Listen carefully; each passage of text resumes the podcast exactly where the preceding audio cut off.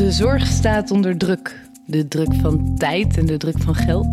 Er is te weinig personeel, de wachttijden groeien en dat terwijl verschillende methodieken elkaar in een rap tempo opvolgen. Wie bepaalt dat? Wie betaalt dat? En waarom?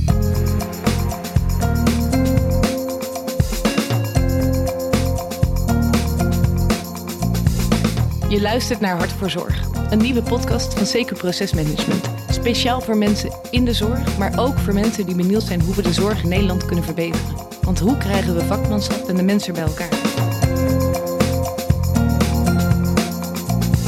Mijn naam is Sam.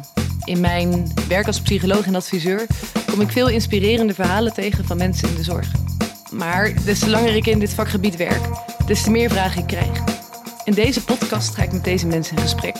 Van patiënt tot psychiater en van bestuurder tot beroepskracht. Over de zorg en over de zaken die zij tegenkomen. Maar bovenal over de vraag: hoe moet het dan wel?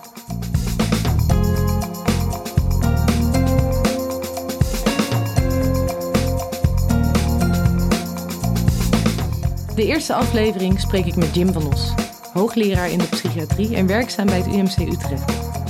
Is het houdbaar? Nee, het is niet houdbaar, denk ik. Daarna volgen namen als die van Jules Tielens, Maar wat voor persoon zit er voor je? Wat weet je daarover? De heel weinig GGZ-medewerkers kenden de biografie van hun klant. Dus Jos de Blok En je moet eigenlijk die ondersteuning zo simpel mogelijk regelen.